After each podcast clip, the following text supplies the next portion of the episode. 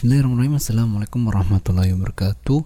Alhamdulillah Alhamdulillahirrahmanirrahim Wassalatu wassalamu ala rasulillah Mabadu Sahabat Quran di mana pun anda berada Alhamdulillah. Di kesempatan kita kali ini Bersama saya Andi Ramadan Hadir kembali menyapa sahabat Quran semuanya Dalam program Makon Majelis Tanya Jawab seputar hukum-hukum keislaman Bersama Syekh Abdul Qadir Abdul Mu'iz Yang pada kesempatan hari ini Melanjutkan materi kita Berkaitan dengan setelah dikiret apakah wanita tersebut terkena hukum nifas ya nah seperti apa pembahasannya pada kesempatan kita kali ini ada mutajim kita yaitu Ustadz Mujib yang akan menemani kita di kesempatan sesi kali ini dan langsung saja kita persilakan untuk memulai materinya. Tafadhol. بسم الله الرحمن الرحيم السلام عليكم ورحمة الله وبركاته الحمد لله الحمد لله الذي بعث رسوله بالهدى ودين الحق ليظهره على الدين كله وكفى بالله شهيدا أشهد أن لا إله إلا الله وحده لا شريك له أحمده سبحانه وتعالى لا نعبد غيره وأشهد أن محمدا عبده ورسوله. اللهم صل وسلم وبارك على حبيبك ورسولك سيدنا ومولانا محمد وعلى آله وصحبه أجمعين. أما بعد Para pendengar Radio Ishkarima sahabat Al-Quran di mana pun Anda berada Alhamdulillah kembali berjumpa bersama kami dalam majelis takon bersama dengan Syekh Abdul Qadir Abdul Aziz sebagai narasumber dan saya Abdul Mujib Johar sebagai penerjemah. Masih melanjutkan pembahasan kemarin tentang sekitar hukum seorang wanita yang mengalami keguguran. Dan usia kandungannya 8 minggu apakah wajib bagi dia untuk menjalani hukum-hukum sebagaimana hukum yang wajib dijalani oleh seorang wanita yang sedang nifas. وما زلنا نتكلم في الموضوع السابع يعني عن حكم الساقطة التي سقطت جنينها وعمر جنينها وعمر جنينها ثمانية ثمانية أسابيع هل تجري عليه الأحكام كما جرت الأحكام التي تجري على النفاس؟ جزاكم الله خيرا على حسن الجواب. السلام عليكم ورحمة الله وبركاته. بسم الله الرحمن الرحيم. الحمد لله رب العالمين. والصلاة والسلام على أشرف الخلق وأطهرهم وأزكاهم محمد بن عبد الله صلى الله عليه وسلم. الرحمة المهداة والنعمة المسداة والسراج المنير البشير النذير. اللهم أحينا على سنته وأمتنا على ملته وارزقنا شفاعته وأرفقنا صحبته في الفردوس الأعلى. ومتعنا بلذة النظر إلى وجهك الكريم. اللهم أمين يا رب العالمين. اللهم سلمني وسلم مني. اللهم سلمني وسلم مني. اللهم سلمني وسلم مني. أما بعد. وكنا قد تكلمنا في مسألة نفاس المرأة وقسمناه إلى ثلاثة أقسام. أما الحالة الأولى فهي الحالة التي إذا حدث فيها السقط ونزل بعدها الدم فيكون الدم بعدها نفاسا. وهذه إذا كان عمر الجنين في الأربعين أو بعد الأربعين الثالثة. إذا كان عمر الجنين بعد الأربعين الثالثة أي بعد أربعة أشهر. فإذا سقط الجنين في هذه المرحلة وقد اتفق الفقهاء جميعا على أن الجنين إذا سقط في هذه المرحلة يكون سقط وأن الدم الذي ينزل من المرأة يكون دم نفاس. وإذا حدث تعدي على هذا الجنين بالسقوط فتجب فيه أو يجب فيه إرش الجناية. وبالتالي هذا جنين مكتمل اتفق فيه الفقهاء على هذا الأمر.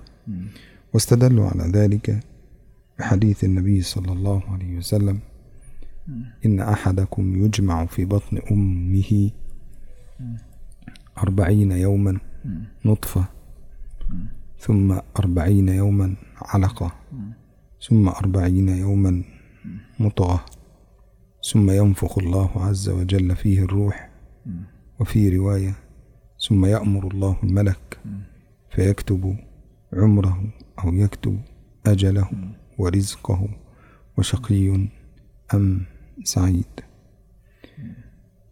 فقالوا هنا حتى أن الحنابلة ذكروا في كتاب كشاف القناع وكذلك جاء في مغني ابن قدامة قولا عن الإمام أحمد أنه قال أن المضغة إذا ظهرت عليها علامات الخلقة حتى ولو كان عبارة لو ظهرت عليها علامات الخلقة بأن كانت عبارة عن قطعة من اللحم بها خطوط يعني مخططة هكذا. لا تظهر عليها علامات الجنين. ولكن ليست قطعة لحم ثابتة. يعني مثلا لو نظرت إلى كف اليد هذا يوجد خط. هكذا فقال لو قطعة اللحم مثل هذا لا يوجد فيها شيء فهذا لا يكون نفاسا. لكن لو كان بها خطوط مثل هذه الخطوط أو مخططة هكذا لو ظهر عليها أي خط أو أي شيء من هذا فإن الدم الذي ينزل بعدها يكون نفاسا. هكذا.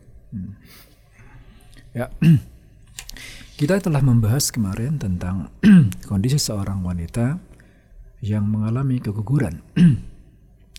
Dalam hal ini ada tiga kondisi. Yang pertama adalah kondisi di mana seorang wanita tersebut hukumnya adalah sama dengan hukum wanita yang nifas atau hukum berlaku hukum yang berlaku kepadanya adalah hu, sebagaimana hukum yang berlaku kepada orang yang uh, nifas ya secara lahir secara normal yaitu apabila janin yang keluar atau yang ke, mengalami keguguran tersebut berusia 3 bul, uh, 4 bulan atau 40 hari 40 hari ketiga ya 40 hari ketiga ataupun lebih ya 40 hari ketiga ataupun lebih ya yaitu usianya 4 bulan ya. Jadi apabila janin yang mengalami keguguran setelah usianya 40 hari yang ketiga atau 4 bulan maka si wanita tersebut hukumnya nifas atau darah yang keluar dari si ibunya tersebut itu adalah darah nifas ya. Dalilnya adalah ya sebagaimana sabda Rasulullah sallallahu alaihi wasallam إن أحدكم يجمع خلقه في بطن أمه أربعين يوما نطفة ثم تكون علقة ثم تكون مضغة مثل ذلك فينفخ فيه الروح ويؤمر بأربع كلمات بكتب رزقه وأجله وعمله وشقي أو سعيد. Ya dalilnya hadis di atas tersebut ya. Inna ahadakum yujma'u khalquhu fi batni ummihi arba'ina yawman nutfah. Sesungguhnya salah seorang di antara kalian disempurnakan penciptaannya oleh Allah Subhanahu wa taala di dalam rahim ibunya itu 40 hari yang pertama itu nutfah. Nutfah itu bentuknya sperma ya summa takunu alaqatan. Ya kemudian 40 hari ke yang kedua ya 40 hari yang kedua itu alaqah. Alaqah itu segumpal darah. Ya summa takunu mudghah. Ya kemudian 40 hari yang ketiga itu mudghah. Ya maka ketika sudah berbentuk mudghah ini fayunfakhu fihi ar-ruh kemudian ditiupkan ke dalamnya roh wa yu'maru bi arba'i kalimatin. Ya sampai selesai hadisnya. Maka apabila janin sudah mencapai usia 4 bulan ataupun 40 hari yang per 40 hari yang ketiga, maka darah yang keluar dari ibunya tersebut itu adalah darah nifas ya. Demikian juga uh, Imam Ahmad Hanabilah dan kemudian Al-Mughni ya, Ibnu Qudamah di dalamnya di dalam kitabnya Al-Mughni ya dan kemudian perkataan Imam Ahmad bahwasanya apabila seseorang ya, mengalami keguguran, seorang ibu mengalami keguguran, kemudian janinnya keluar, ya, kemudian uh, keluarnya tersebut, janinnya tersebut ada tanda-tanda apa? Tanda-tanda penciptaan, meskipun uh, satu garis, ya, meskipun satu garis, ya. Jadi janinnya keluar dalam bentuk daging, ya, daging utuh, kemudian ada tanda garis-garis di situ, ya, seperti garis-garis di dalam telapak, maka itu adalah tanda-tanda sudah adanya penciptaan maka darah yang keluar dari si ibunya tersebut hukumnya adalah darah nifas. والحالة الثانية وهي التي اتفق فيها الفقهاء على أن الجنين إذا سقط فيها أو أجهض فيها فإنه في هذه الحالة يكون الدم الذي ينزل من المرأة هو دم علة وفساد يعني دم مرضي مثله مثل دم الاستحاضة. فلا يمنع المرأة من صلاة ولا من صيام ولا من أداء العبادات ولا من مس المصحف ولا من قراءة القرآن ولا يمنعها من أي شيء. ولكن عليها أن تتوضأ لكل صلاة. فهذا دم عذر أي دم مرض دم علة وفساد. لأن النفاس هو دم يخرج من المرأة بعد الولادة. ليس على سبيل المرض بل على سبيل الصحة. وفي رواية بل على سبيل الاعتياد أي من عادات المرأة.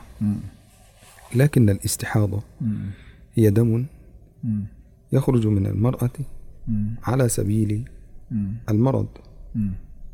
وقيل أنه هو دم عرق يخرج من المرأة. وقد جاء في حديث النبي صلى الله عليه وسلم لما سألته حمنة بنت جحش وكانت حمنة بنت جحش تحت عبد الرحمن بن عوف يعني كانت زوجة عبد الرحمن بن عوف. لما سألته حمنة بنت جحش وكانت حمنة بنت جحش تحت عبد الرحمن بن عوف وكانت امرأة آه، مستحاضة يعني ينزل عليها الدم ولا ينقطع. فسألت رسول الله صلى الله عليه وسلم عن الاستحاضة. فقال إنما هي دم عرق. وفي رواية إنما هي ركضة شيطان. ركضة شيطان أي ضربة شيطان يضرب بها العرق في الرحم هكذا. فكأنه يضرب الرحم فيبدأ الإيه؟ العرق الموجود في الرحم يسيل منه الدم. فقالت يا رسول الله في استحاضته يا رسول الله ماذا علي أن أفعل؟ فقال لها النبي صلى الله عليه وسلم تفعلين كل شيء. يعني تفعل كل شيء لا تمتنع من شيء. وبالتالي فإن هذه المرأة لها أن تصلي لها أن تصوم لها أن تفعل كل شيء. وهذه هي التي اتفق الفقهاء على أن الدم إذا نزل فيها لا يكون فيها دم فساد أبدا أو لا يكون فيها دم نفاس أبدا. بل إن الدم هنا دم مرض ودم علة وفساد. وهي أن تكون آه، الجنين الذي سقط أو لا نطلق عليه جنين لأن العلماء اختلفوا في هذا الأمر. هل يطلق عليه جنين أم لا يطلق عليه جنين؟ فقالوا يعني بعضهم قال قبل نفخ الروح لا يطلق عليه جنين. يعني بعضهم قال قبل نفخ الروح لا يطلق عليه جنين. ومن هؤلاء الحنابلة أصحاب هذا المذهب الذين قالوا إن يعني من من الأسباب التي جعلتهم يقولون أن هذا لا يطلق عليه جنين قالوا لا يحصل لا يحصل العتق بهذا. يعني المرأة إذا حملت بنطفة وسقطت فإنه لا يحصل العتق ولا تكون أم ولد فلا تعتق. يعني هكذا. أما بالنسبة إلى هذا الجنين الذي سقط أو إلى هذا الصغير وقد ذهب المالكية إلى أن أي حمل في بطن الأم يسمى جنينا. يعني أي حمل في بطن الأم هذا يسمى جنين لكن اتفقوا على أن النطفة ما زالت ماء. اتفقوا على أن النطفة ما زالت ماء. ولذلك اشترط المالكية في هذه النطفة إذا سقطت أن يضعوا عليها الماء الساخن. فإن ظلت قطعة جامدة متماسكة هنا يكون الدم الذي سينزل دم نفاس. وإن تفتتت من بعضها وخرجت من بعضها وذهب الماء مع الماء الساخن هكذا سال منه شيء أجزاء هكذا. فإنها في هذه الحالة ما زالت ماء ولا يسمى حملا ولا يسمى هذا جنينا. ويكون الدم الذي ينزل بعده دم آه، استحاضة وليس دم آه، نفاس. إذا حينما ننظر في الأول إذا كان في مرحلة النطفة أو مرحلة العلقة فقالوا بأنه في هذه الحالة لا يسمى دم نفاس بل يسمى دم استحاضة. وإذا كان بعد الشهر الرابع التي بدأ فيها أن يكتسي العظام لحما قال الله سبحانه وتعالى ثم خلقنا النطفة علقة فخلقنا العلقة مضغة فخلقنا المضغة عظاما فكسونا العظام لحما. هي التي يبدأ يتخلق فيها الإنسان ويبدأ فيها العظم والكسوة ويبدأ تظهر المعالم. فإذا ظهرت معالم الإنسان في هذه المرحلة فإن الدم الذي ينزل بعدها يكون نفاسا يبقى عندنا مرحلتين. الأولى مرحلة النطفة الصغيرة التي ما زالت في البداية. لو سقطت الدم الذي بعدها لا يسمى دم نفاس يسمى دم استحاضة. هذا من الشهر الأسبوع الأول الأسبوع الثاني الثالث الرابع الخامس السادس. حتى ستة أسابيع. يعني من الأول حتى الأسبوع السادس. إذا سقطت هذا لا يسمى دم نفاس. ومن الأسبوع السابع عشر ومن الأسبوع السابع عشر حتى وضع الحمل إذا سقط الجنين في هذا من السابع عشر حتى وضع الحمل أظن في الأسبوع الستة وثلاثين. آه في وضع الحمل هكذا يبقى من السابع عشر حتى الستة وثلاثين. إذا سقط الجنين في هذه الحالة فاتفق الفقهاء على أن الدم الذي ينزل بعده يكون دم نفاس. وتأتي مرحلة محيرة. وهي المرحلة الثالثة. مرحلة المحيرة هذه. مرحلة محيرة دائما في عمر الإنسان موجود. المرحلة المحيرة هنا هي آه ما كان من عمر ثمانية أشهر حتى ستة عشر آه ثمانية أسابيع يعني من الأسبوع الثامن حتى الأسبوع السادس عشر. يعني ثمانية أسابيع في المنتصف هكذا أو تبدأ من الأسبوع السابع حتى الأسبوع السادس عشر. بعد هذا هذه المرحلة محيرة هي التي اختلف فيها الفقهاء. وهي محل سؤالنا الذي نتكلم فيه الآن Ya. ya. Baik. Kemudian tahap yang kedua atau kondisi kedua. Kondisi ini adalah ya di mana sudah ada kesepakatan ulama, ya ulama di dalamnya bersepakat bahwasanya darah yang keluar dari seorang wanita dalam kondisi ini ya bukan darah nifas, ya bukan darah nifas. Yaitu seorang yang uh, digugurkan kandungannya ya. Seorang keguguran atau disengaja digugurkan kandungannya kemudian usianya masih usia uh, di bawah apa di bawah tiga bulan di bawah empat bulan maaf ya. Nah, maka darah yang keluar itu adalah namanya darah istihadah ya. Darah yang keluar adalah darah istihadah darah istihadah darah penyakit ya darah penyakit ada darah karena sebab permasalahan Ya, karena darah nifas itu adalah darah yang keluar dari seorang wanita setelah melahirkan ala sabilil i'tiyad, ya, ala sabilil i'tiyad karena apa? Karena normal, sehat, normal dan tidak ada masalah apa-apa ya. Nah, ini maka dimakan nifas. Tetapi darah yang keluar dari seorang wanita setelah kandungannya digugurkan ya sebelum kandungan ini terbentuk maka para ulama mengatakan sepakat mengatakan bahwa darah yang keluar tersebut adalah darah nifas.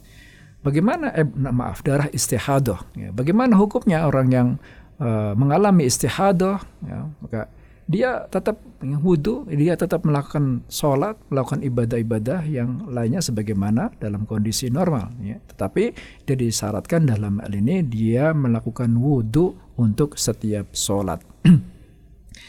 ya, sebagaimana ya, uh, diriwayatkan dari uh, Hamlah binti Jahshin ya. Hamlah binti Jahshin saja. Hamnah. Hamnah. Nah, bin nun. Hamnah Hamnah binti Jahsin ya. Hamnah binti Jahsin ini adalah istrinya Abdurrahman bin Auf ya. beliau bertanya kepada Rasulullah Sallallahu Alaihi Wasallam tentang darah ini ya. Kemudian Rasulullah Sallallahu Alaihi Wasallam mengatakan innamahiyya damu irqin ya. Innamahiyya damu irqin. Apa makna irqin ya Ustaz? Damu irqin. Oh al-irq adolat ah. itu? عضلات ده لا هذا العرق oh nah, nah, nah. الذي يمشي في الدم Nah, nah, nah. Ya. Innama hiya damu irqin. Itu adalah darah uratnya. Itu adalah darah uratnya. Ataupun darah uh, penyakitnya. dan kemudian dalam riwayat lain beliau mengatakan, uh, beliau Shallallahu Alaihi Wasallam mengatakan, Innama hiya syaitan. Ya, Innama hiya syaitan. Itu adalah serangan atau pukulan dari setan ya terhadap rahimnya seorang ibu. Ya. Kemudian bagaimana? Ya, taf'alu kulla syai'in. Ya, seorang wanita dalam kondisi seperti ini atau dia mengalami uh, pendarahan atau darah keluar dari rahimnya setelah mengalami keguguran atau karena ada penyakit dia tetap melaksanakan ibadah apa saja, sholat, puasa, ya, sholat, puasa, pokoknya ibadah ibadah apa saja tetap harus dia laksanakan. Ya. kemudian ya kenapa dinamakan seperti ini? Ya kenapa dihukumkan seperti ini? Karena ya janin yang keluar. Ya, dan ini tidak di uh, tidak disebut janin ya. Tidak disebut janin. Kenapa? La yutlaqu alaihi al janin qabla qabla nafkhi ya. Karena dikatakan ya bahwasanya uh, kandungan yang keluar yang mengalami keguguran dari si ibunya sebelum ya, ditiupkan kepadanya roh itu tidak disebut dengan janin ya. Ya kemudian bagaimana ya uh, dengan kondisi ketika uh, yang keluar tersebut masih dalam bentuk sperma ya dalam bentuk sperma ya. Maka ketika bayi tersebut janin ya yang keluar dari kandungan tersebut dalam bentuk sperma maka disiram dengan air panas ya. Jika setelah disiram dengan air panas tersebut kemudian dia malah menggumpal, membeku, maka itu itu sudah sudah janin itu ya, sudah janin dan darah yang keluar dari ibunya itu uh, dinama apa sudah berhukum dengan hukum darah nifas. Tetapi apabila darahnya itu tata fatatnya jadi bercerai-berai setelah disiramkan air panas ya ma'al sahin setelah disiram dengan air panas ternyata darahnya bercerai-berai maka itu maka itu masih uh, nutfah ya itu masih nutfah dan belum berhukum janin. Oleh karena itu kita dalam ini ada dua kondisi. Yang pertama adalah kondisi seorang ibu sudah wajib ya melakukan hukum-hukum sebagaimana hukumnya seorang wanita yang nifas yaitu apabila janin yang keluar yang janin yang keguguran setelah usia 4 bulan ataupun setelah pembentukan. Kemudian yang kedua adalah kondisi uh, masih berbentuk sperma ya, masih berbentuk sperma ya. Ini tidak tidak wajib nifas dan darah yang keluar dari si ibunya tersebut bukan darah nifas. Ini usianya adalah uh, minggu pertama sampai minggu ke-6 Ya, kemudian yang sisa yang terakhir ini adalah marhalah ya marhalah muhayyirah ya marhalah muhayyirah. Tadi jelas ya kalau marhalah ya yang sudah sepakat para ulama di dalamnya ya yaitu marhalah seorang wanita tersebut uh, harus menjalani hukum-hukum sebagaimana seorang uh, yang menjalani uh, nifas itu adalah ketika bayinya sudah mengalami pembentukan Kemudian marhala nutfah itu marhala seketika uh, si janinya tersebut masih dalam berbentuk nutfah. Ya. Nah ini yang belum ini, yang masih membingungkan ini adalah marhalah muhayyirah. Ya. Marhalah muhayyirah ini di sini adalah ikhtilaf, ikhtilaf ulama. Ya. Di sini ada perselisihan ulama dalam hal ini. Ya. Marhalah muhayyirah ini kisaran antara uh, bulan ke-7 sampai bulan ke-16 ya. Jadi kalau marhala nutfah itu bulan apa minggu pertama sampai minggu ke-6, kemudian marhala muhayyirah itu minggu-minggu ke-7 sampai minggu ke-16, kemudian marhalah mudghah ya. Marhalah mudghah itu antara uh, minggu ke-18 sampai terjadinya persalinan ataupun minggu ke-36 ya. Kemudian sekarang yang menjadi ikhtilaf ulama adalah marhalah muhayyirah yaitu minggu ke-7 sampai minggu ke-16.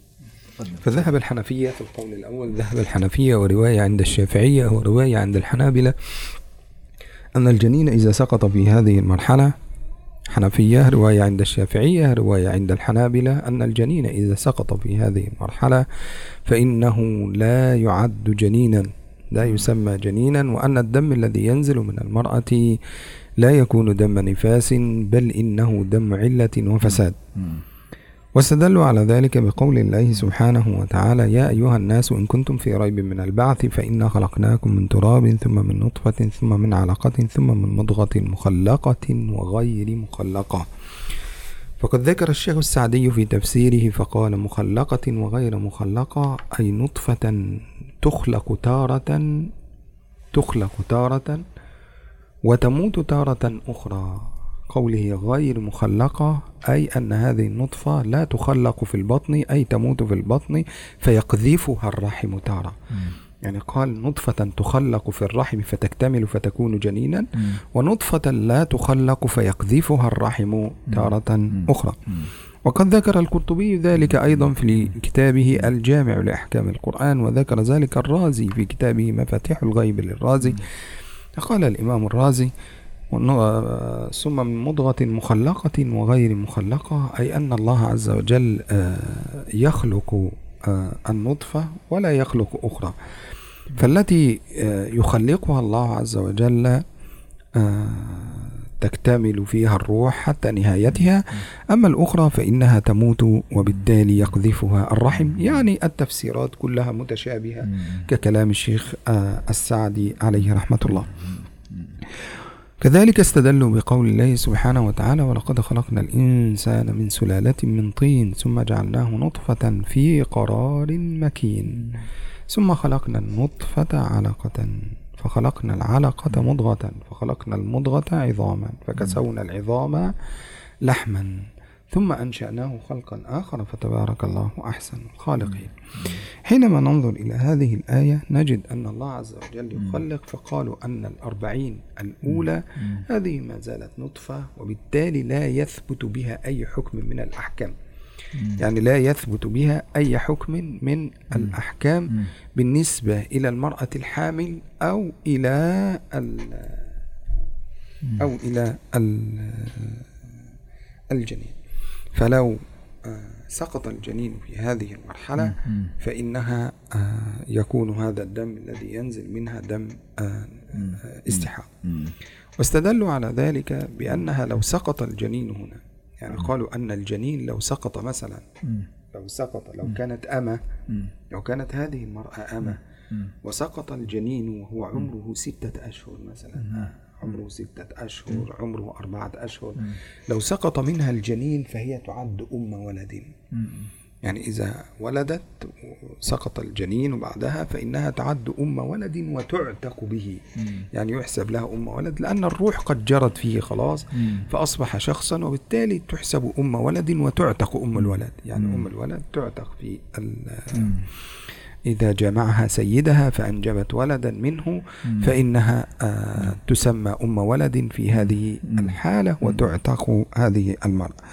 قالوا وإذا سقطت في هذه المرحلة المحيرة أو سقطت فيما قبلها فإنها لا يعد ذلك جنينا ولا تعتق ولا يثبت لها حق. يبقى إذا تظل أمة كما هي. يبقى لو سقطت وبالتالي لا يثبت لها الحق في ذلك. فإذا كان هذا لا يغير عند الفقهاء أو لا يغير في الحكم فبالتالي يظل هذا آه سقطا عاديا والدم الذي ينزل بعده دم نفاس لأنه لا يترتب عليه ما يغير حال المرأة.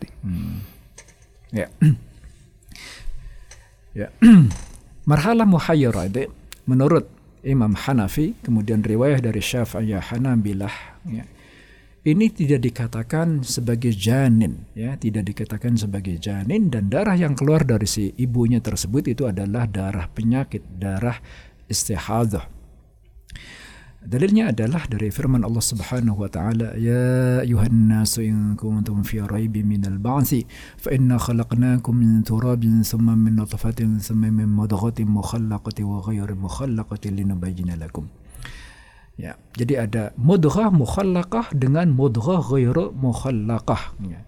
Menurut tafsir As-Sa'di, kemudian Al-Qurtubi, kemudian Ar-Razi, ya, yakni tafsirnya adalah mutasyabihat, ya sama, ya sama pandangan uh, tafsirnya, mirip-mirip meskipun dengan bahasa yang berbeda-beda. Yang dinamakan dengan mudghah dengan mukhallaqah wa ghairu mukhallaqah. Mukhallaqah itu adalah nutfah yang di proses penciptaannya di dalam rahim ibunya, ya di dalam rahim ibunya, ya nutfah ya kemudian masuk ke dalam rahim si ibu dan kemudian terjadilah proses penciptaan di situ. Sedangkan ghairu mukhallaqa itu nutfah masuk ke rahim kemudian dilemparkan kembali, dikeluarkan kembali. Itulah yang dinamakan ghairu mukhallaqah ya, ghairu mukhallaqah. Ya. kemudian uh, firman Allah Subhanahu wa taala ولقد خلقنا الإنسان من سلالة من, ولقد خلقنا الإنسان من سلالة من طين ثم جعلناه نطفة في قرار مكين فخلقنا النطفة علقة فخلقنا العلقة مضغة فخلقنا المضغة عظاما فكسونا العظام لحما. Walaqad khalaqnal insana min sulalatin min tin thumma ja'a thumma khal thumma ja'alnahu nutfatan fi qararin makin. Thumma khalaqna nutfata 'alaqatan fa khalaqna al-'alaqata mudghatan fa qasawna fa khalaqna al-mudghata 'idhaman fa lahma. Jadi apabila janin ini ya mengalami keguguran dan ada mengatakan tidak boleh dikatakan janin karena belum terjadi penciptaan ya apabila mengalami keguguran pada 40 hari yang pertama maka dikatakan la yasbut alaiha al-hakam. Ya tidak tetap tidak berlaku di dalamnya hukum-hukum sebagaimana hukum yang berlaku bagi seorang wanita yang nifas ya. Jadi hukum yang berlaku bagi seorang yang wanita yang nifas apabila yang hamil ini adalah seorang amah. Amah ini adalah seorang budak e, perempuan seorang budak wanita ya. Apabila seorang budak wanita itu hamil kemudian dia mengalami keguguran ya dan kemudian janinnya tersebut ketika guguran sudah terbentuk ya sudah sempurna sudah terbentuk maka ini amah ini dikatakan ummu walad ya dikatakan ummu walad dan setelah anaknya lahir dia akan dituak dia akan dimerdekakan. Dia merdeka ya merdeka dengan merdeka dengan sendirinya ya.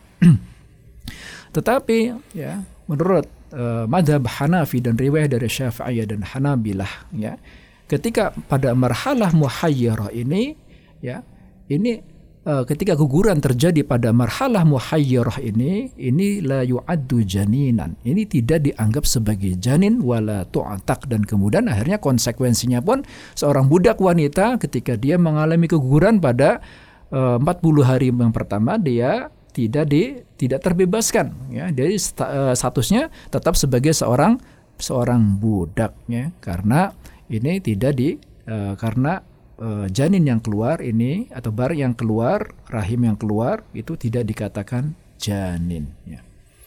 كذلك قالوا بأن عدة الحامل تنقضي يعني عدة الحامل تنقضي بنزول الجنين بنزول الجنين فإذا نزل الجنين في هذه المرحلة يعني إذا نزل الجنين في هذه المرحلة فعلى هذا الرأي إذا سقط في هذه المرحلة فإنه لا يكون جنينا وبالتالي على المرأة أن تكمل عدتها بالشهور. أول حاجة ولذلك يعني ذكر ابن قدامة في المغني يعني قالوا أن هذا لا يعد حملا أو قالوا أنها إذا سقط الجنين من بطنها فإنها تدخل تحت قول الله سبحانه وتعالى وأولاة الأحمال أجلهن أن يضعن حملهن. فقال ابن قدامة في المغني ومعنى ذلك أنها تظهر عليه علامات التخليق. يعني تظهر علامات التخليق. فإذا لم يظهر عليه علامات التخليق يعني علامات الخلقة كأن قلنا هكذا تظهر على المضغة الخطوط أو يظهر إصبع كما قال الحنفية لو ظهر منه زفر أو إصبع أو أي شيء يدل على الخلقة إذا لم تظهر عليه أي علامة من علامات التخليق فإن على المرأة الحامل هذه التي طلقها زوجها أن تعتد بالأشهر أو تعتد بالقروء فتعتد بثلاثة قروء. تعتد بثلاثة قروء. بعد الدم الذي ينزل منها يكون هذا قرء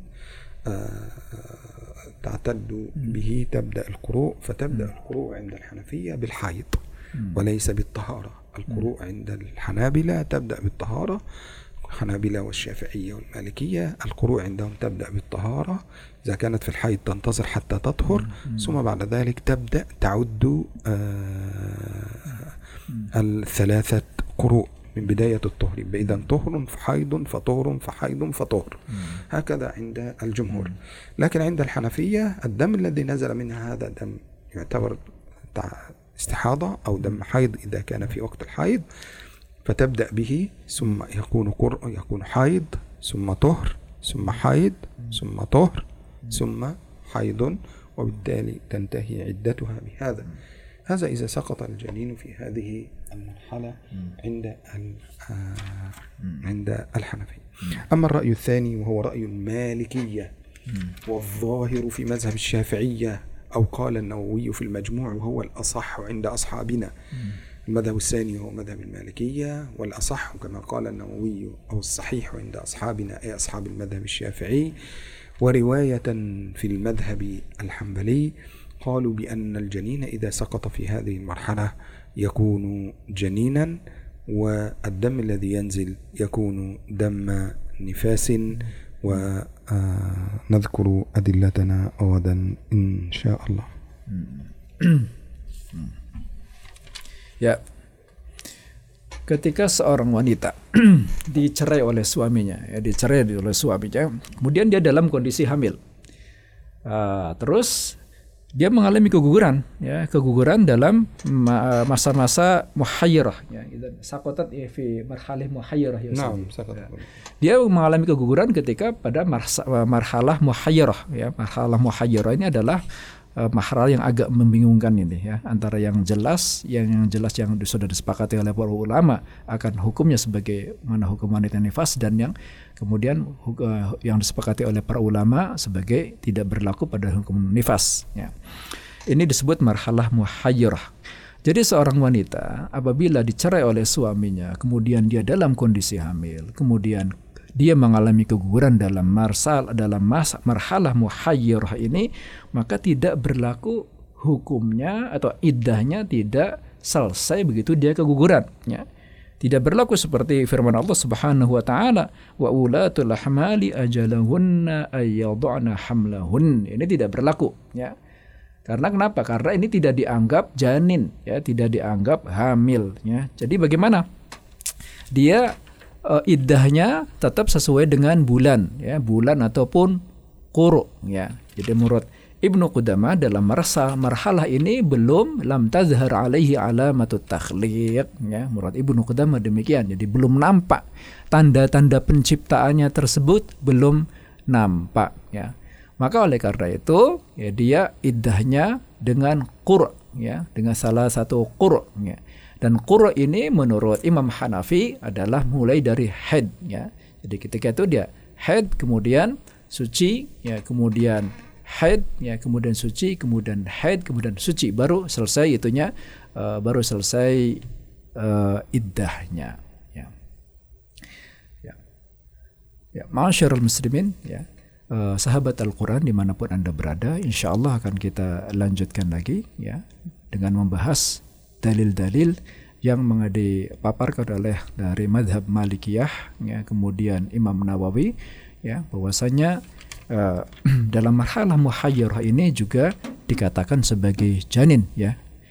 Jadi ini kita baru memaparkan pendapat dari Imam Mazhab Hanafi kemudian riwayat dari Syafi'i dan Hanabilah yang tidak mengatakannya janin. Insya Allah pada pertemuan yang akan datang akan kita bahas dalil-dalil yang mengatakan bahwasanya keguguran pada marhalah muhayyirah ini juga adalah ya uh, adalah juga janin. Dan artinya uh, dengan demikian maka berlaku padanya hukum sebagaimana hukum yang berlaku pada wanita yang sedang nifas ya. Barakallahu fikum. Demikian mudah-mudahan bermanfaat dan mudah-mudahan kita bisa berjumpa kembali dalam sesi majelis takon yang berikutnya. Jazakumullah khairan. Assalamualaikum warahmatullahi wabarakatuh. Waalaikumsalam Wassalamualaikum warahmatullahi wabarakatuh. Syukran jazakumullah khair kepada Ustaz Mujib sebagai mutajim kita dan juga Syekh Abdul Qadir bin Maish yang pada kesempatan hari ini bisa melanjutkan materi kita di kesempatan kali ini dan insya Allah kita akan lanjutkan lagi karena sesi ini belum selesai dan insya Allah kita akan lanjutkan lagi di sesi selanjutnya. Jadi tetap stay tune di 99.9 FM Radio Sekarima Sahabat Anda Belajar Al-Quran. Dan bagi sahabat semuanya yang memiliki pertanyaan seputar hukum-hukum keislaman, silakan saja Anda bisa mengirimkannya di SMS maupun WhatsAppnya di nomor 081 2298886 Pak. Akhirnya saya Andi Ramadan harus pamit undur diri dari ruangan dengar sahabat Quran semuanya. Terima kasih atas kebersamaannya. Alhamdulillahirrahmanirrahim. Wassalamualaikum warahmatullahi wabarakatuh.